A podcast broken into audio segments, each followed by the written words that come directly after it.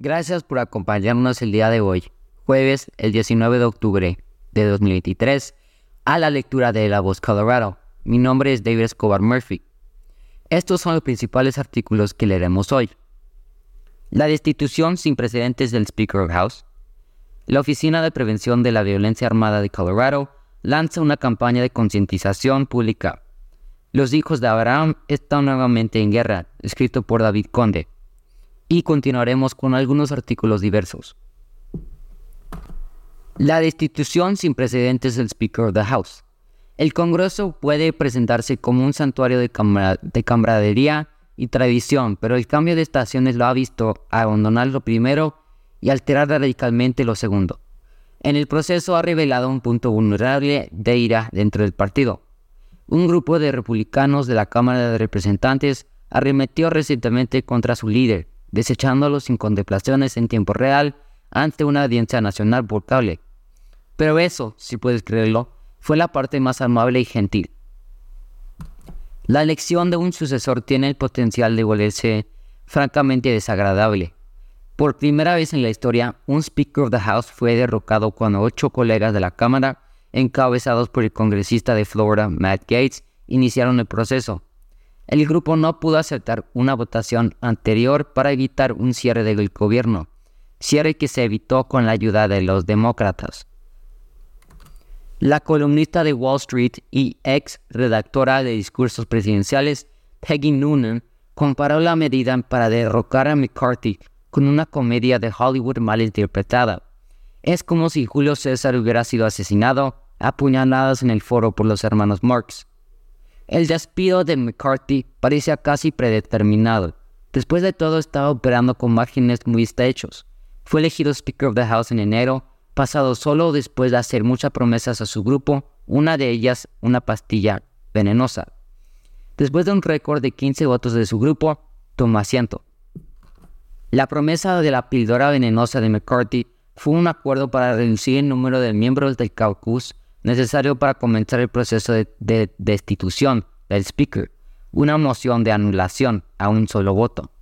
Anteriormente se requerían cinco. Son los republicanos comiéndose a los suyos, dijo el ex congresista demócrata de Colorado Ed Perlmutter.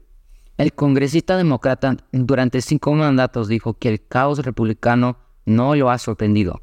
Los dos anteriores republicanos speakers, dijo Perlmutter, nunca pudieron hacer lo suficiente para apaciguar a la extrema derecha del partido.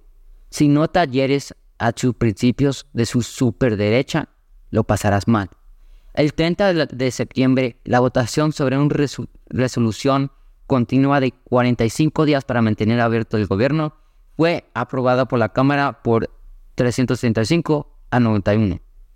El Senado lo aprobó unas horas más tarde, pero el Congreso volverá a luchar con la misma situación cuando la, la, resolución continúa a expirar el 17 de noviembre.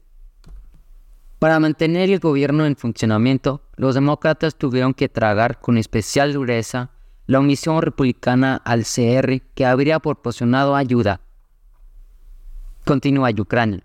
Aunque apoyamos esta medida para poner fin a esta crisis inmediata, continuamos pidiendo financiación adicional para apoyar a Ucrania, dijo la congresista de New Hampshire, Annie Custer. Los demócratas dicen que buscarán otras formas de mantener la ayuda estadounidense a Ucrania. Scales tiene sus propios problemas. Una vez se jactó de ser David Duke sin equipaje. Duke alguna vez tuvo que tuvo el rango de Grand Dragon en el KKK. Scales, quien ahora camina con un bastón con resultado de disparo mientras preparada para un, un jugar en el juego de softball del Congreso, también fue diagnosticado recientemente con una forma de cáncer en la sangre. Dice que la enfermedad se detectó temprano y espera una recuperación completa. Fui amigo de Jordan y lo mismo de Scales, dijo Perlmutter. Siempre hemos sido cordiales pero dijo ambos podían tener problemas para conseguir los votos de confirmación. Va a haber una diferencia de 3, 4 o 5 votos, predijo. Al final, ninguno de los dos puede conseguir puesto y un caballo oscuro puede terminar en la silla del Speaker of the House. Un orador temporal, Patrick Henry de Carolina del Norte, ocupará el puesto hasta que se nombre el reemplazo de McCarthy. Curiosamente, uno de los primeros actos de McHenry como Speaker interino fue desalojar a Nancy Pelosi de su oficina. Se cree que McCarthy instigó la mudanza y se espera que se establezca en el espacio que pronto quedará vacante. Mientras continúa la, la telenovela de Congreso, Gates, que criticó a McCarthy pero utilizó su tiempo de cámara para recaudar fondos, puede volver a desempeñar un papel crucial. El congresista de Florida dice que podría apoyar a cualquiera de los dos, pero como ocurre en estos asuntos, apoyar también significa embolsarse algunas promesas o pagar un precio similar al que pagó McCarthy recientemente. Matt es un tipo muy inteligente. Le encanta decir cosas extremas y escandalosas, admite Perlmutter. Una persona directa al que le gusta decir cosas incendiarias. Es otra descripción que Perlmutter usa para describir su ex colega.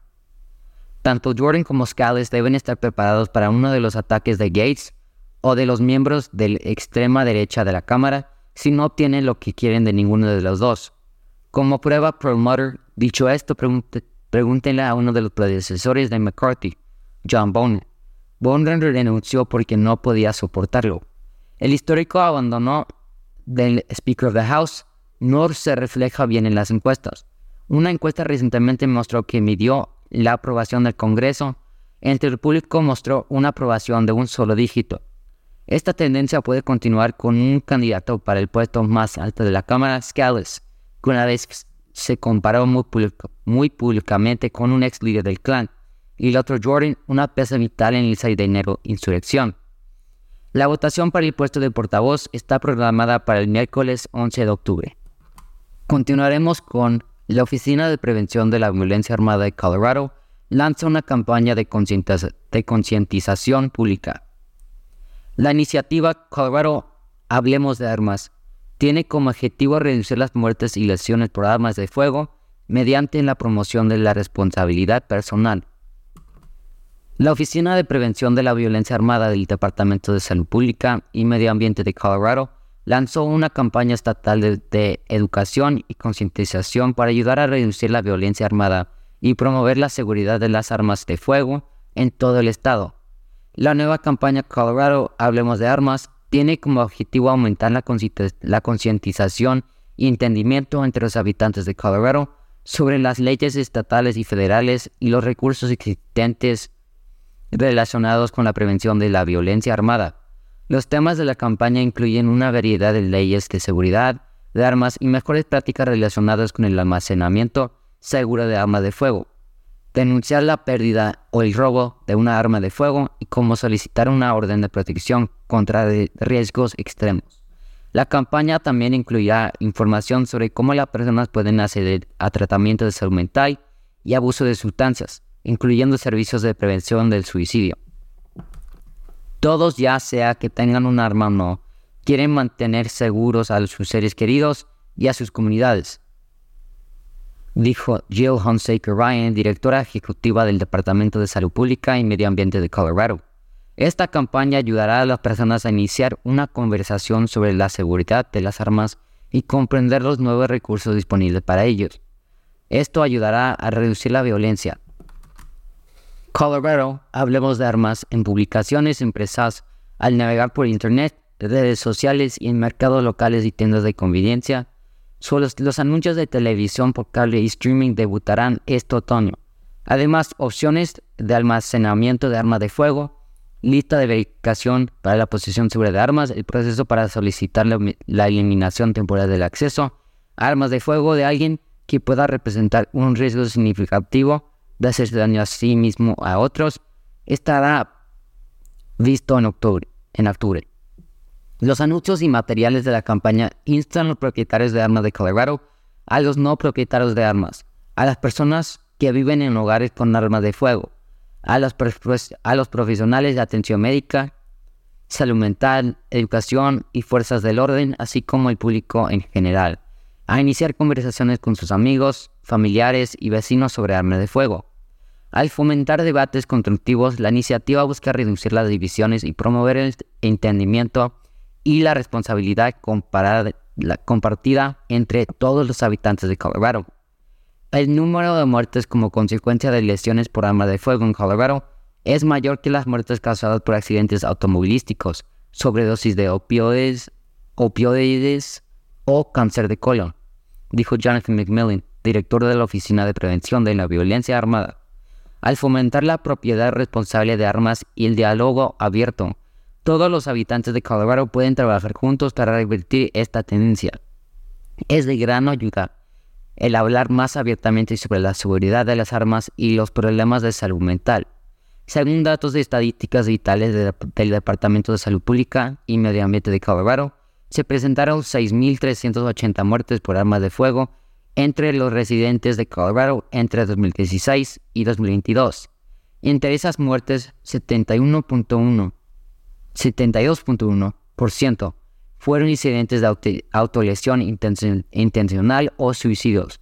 23.7% fueron agresiones o homicidios. El 2.6% se debieron a la intervención judicial. El 0.9% fueron no intencionales y el 0.7% se debieron a alguna forma indeterminada. Para obtener más información sobre la campaña Colorado Hablemos de Armas, visite www.coloradohablemosdearmas.com. Seguiremos con Los hijos de Abraham están nuevamente en guerra. Los hijos de Abraham están nuevamente en guerra. El odio entre árabes, palestinos y judíos causado por el difícil problema de vivir en la misma tierra ha vuelto a desbordarse hasta el punto de convertir a Tierra Santa en una zona de matanza. De matanza. Abraham es el padre de tres grandes religiones, ya que las tradiciones judía, árabe y cristiana lo identifican como el progenitor de la fórmula de un solo Dios que unificó sus sistemas de creencias. Abraham es también progenitor de una descendencia familiar que se caracteriza por una dualidad encarnada en sus dos hijos Ismael e Isaac. Esta dualidad se ha comportado de manera muy parecida a la ruptura de la integridad original de la humanidad, de la humanidad en dos partes que constituyen la base para la construcción de todas las civilizaciones. La paradoja que utilizamos para lograr perspectiva y orden proviene de esa unidad original que se rompió y con el tiempo se convirtió en opuestos. La misma clase de situación aconteció a los hijos de Abraham, en este caso, sin embargo, hay un ingrediente añadido que ha sido fuerte y fuente de controversia a lo largo de los 4.000 años transcurridos desde que Abraham hizo su aparición. Las escrituras dicen que Abraham y Sara, su esposa, no podían tener hijos y por eso eligieron que Abraham tuviera un hijo con Agar, su esclava egipcia. El hijo de Abraham con Agar fue Ismael. De hecho, Ismael era el primer hijo y estaba en la línea de tener los derechos y privilegios exclusivos que se otorgarían al primogénito. Pero entonces Sara finalmente quedó embarazada y tuvo a Isaac, un evento que creó complicaciones en el hogar. La Biblia dice que Dios se involucró y eligió a Isaac como padre de su pueblo escogido. Como resultado, Agar y su hijo fueron desertados en el desierto y se llevaron consigo la promesa de Dios que Ismael también sería padre de una gran nación. Esa decisión, sin embargo, rompió la unidad de, la familia de Abraham en dos partes y provocó un distanciamiento hasta el punto de que las dos culturas no pueden verse viviendo juntas en el mismo espacio. Además de eso, en 1948, los aliados de la Segunda Guerra Mundial ayudaron a establecer el Estado de Israel en Palestina como una, una patria judía. A lo largo de los años se ha trabajado mucho para unir a las dos partes bajo una variedad de fórmulas diseñadas para traer paz y prosperidad a la región. Sin embargo, establecer el orden de esa zona conflictiva ha sido un objetivo difícil de alcanzar, ya que ambas partes quieren el mismo territorio para sí. El ataque a Israel por parte de Hamas y otros en uno de los fines de la semana, Santos Judíos repite el ciclo de violencia. Ese ha sido un tema recurrente durante 75 años. Para Israel, ir a la guerra parece ser la única opción porque hay que prestar mucha atención a la geografía, el tamaño de su territorio nacional y las intenciones de, otros enemigos potenciales en la región. Como en el pasado, Estados Unidos está obligando a apoyar la defensa de Israel en este momento crítico. Eso no debería significar que miremos hacia otro lado cuando se trata de, la difícil situación del pueblo palestino. Pero al igual que con Ucrania, es necesario hacer el máximo esfuerzo para apoyar la existencia de Israel y tratar de rescatar a los regímenes, entre los que parece haber estadounidenses. Es irónico que la tierra de leche y miel sea un campo de exterminio implacable. Se puede decir que los agravios que lo crearon se remontan a mucho tiempo atrás. Los hijos de Abraham están nuevamente en guerra. Esa no es una solución. Terminaremos con Flora Archuleta, la salvavidas de inmigración del Valle de San Luis. Las palabras de la escritora Emma Lazarus al pie de la Estatua de la Libertad durante mucho tiempo fueron significativas y emblemáticas de una nación. Dame tus masas cansadas, pobres, apiñadas, que anhelan respirar libres. Eran los sentimientos de entonces de una nación de migrantes. Pero los tiempos cambian. Una explosión de estadounidenses anti-inmigrantes cree ahora que eran palabras para otro momento. Ahora creen que los inmigrantes, especialmente aquellos que cruzan nuestra frontera sur, no pertenecen aquí y necesitan regresar a sus países. Culpan a los inmigrantes por el crimen, las enfermedades y, como dijo recientemente el expresidente Trump, por envenenar la sangre de la nación. Pero a pesar del corro de antimigrantes, Estados Unidos sigue siendo un faro de esperanza y un santuario para una vida mejor. Ahí es donde entra gente como Flora Archuleta de Alamosa. Durante más de 20 años, Archuleta ha sido clave para allanar, allanar el camino para los recién llegados que vienen a quedarse en el Valle de San Luis o para otros que pasan a otros lugares. Archuleta es el director ejecutivo del Centro de Recursos para Migrantes del Valle de San Luis. Es un lugar al que acuden los recién llegados u otras personas que han estado en el país durante años cuando necesitan ayuda para todo, desde cuestiones de tarjeta de residencia hasta aclarar dudas sobre DACA. Es rápido, fácil y quizás lo más importante, asequible. No cobramos lo que podría cobrar, un abogado, dijo Archuleta en una llamada telefónica recientemente. Algunos abogados pueden cobrar hasta 2.500 por los servicios, cobro 200. Todo depende del servicio. Algunos clientes llegan necesitando ayuda cuando se trata de un problema de inmigración inmediato. A otras, como a una mujer a la que el chuleta ayudó recientemente, le robaron el bolso que tenía su tarjeta verde, la prueba que un inmigrante debe tener para permanecer en el país. Una tarifa normal para reemplazar una tarjeta verde probablemente habría estado mucho más allá de los medios de la mujer. Otras veces la gente viene a su oficina porque se ha convertido en víctima de violencia doméstica y necesita un lugar donde quedarse, o se ha convertido en víctima de un crimen y teme que no tener los documentos correctos para mostrar a los funcionarios de inmigración resulte en la deportación. No tener los trámites adecuados puede cambiar una vida. Archuleta dijo que a diferencia de muchas ciudades estadounidenses que experimentan una afluencia repentina de inmigrantes, Alamosa y el Valle no tienen una avalancha de inmigrantes. No tenemos muchos recién llegados, dijo. La razón por la cual que muchos de ellos vienen aquí es que van a otro lugar. También vendrán a ver a Chuleta, dijo, porque la oficina de ICE, Alamosa, cerró recientemente. Cuestiones de, de inmigración se encuentran en Florencia, a tres horas de, de Alamosa. Chuleta, el salvavidas de inmigración del Valle, desde hace mucho tiempo digo que su oficina ayuda a alrededor de 2.000 personas cada año. Algunos no podrían sobrevivir sin nosotros. En esos casos su oficina proporciona comida, dinero para servicios públicos y vales para el alojamiento temporal. Los servicios públicos pueden significar la diferencia entre la vida y la muerte en el valle, donde las temperaturas internales y invernales pueden bajar a 30 o más grados bajo cero. El defensor de la inmigración dijo que el Valle también es uno de los momentos cada año en que los inmigrantes necesitan ayuda. En diciembre, las vacaciones, vemos muchas más víctimas de delitos. Debido a que, como dice Archuleta, la población inmigrante en Alamosa y sus alrededores es principalmente estática. Ella tiene clientes que cuando la conocieron por primera vez, ahora tienen niños que vienen al centro. Vienen para todo, desde solicitar ingreso a la universidad hasta recibir ayuda con la escuela. Hacemos extensión educativa, dijo Archuleta. También hacemos ESL, inglés como segunda idioma para adultos. Su oficina también ofrece un programa de tutoría después de la escuela. Las personas que ayudan el Centro de Cursos de Inmigrantes del Valle de San Luis, dijo Archuleta, son una población esencial en Valle. Su centro no solo ayuda a quienes llegan de camino a otros lugares, sino que también brinda estabilidad a otras personas que trabajan en los almacenes de papas, de papas y otras operaciones agrícolas que salpican el valle. Estos lugares no podrían sobrevivir, dependen de ellos. Los empleadores locales, dijo, saben que son confiables y confiables y por eso muchos lo buscan. Gracias por acompañarnos en esta edición de La Voz Colorado. Mi nombre es David Escobar Murphy.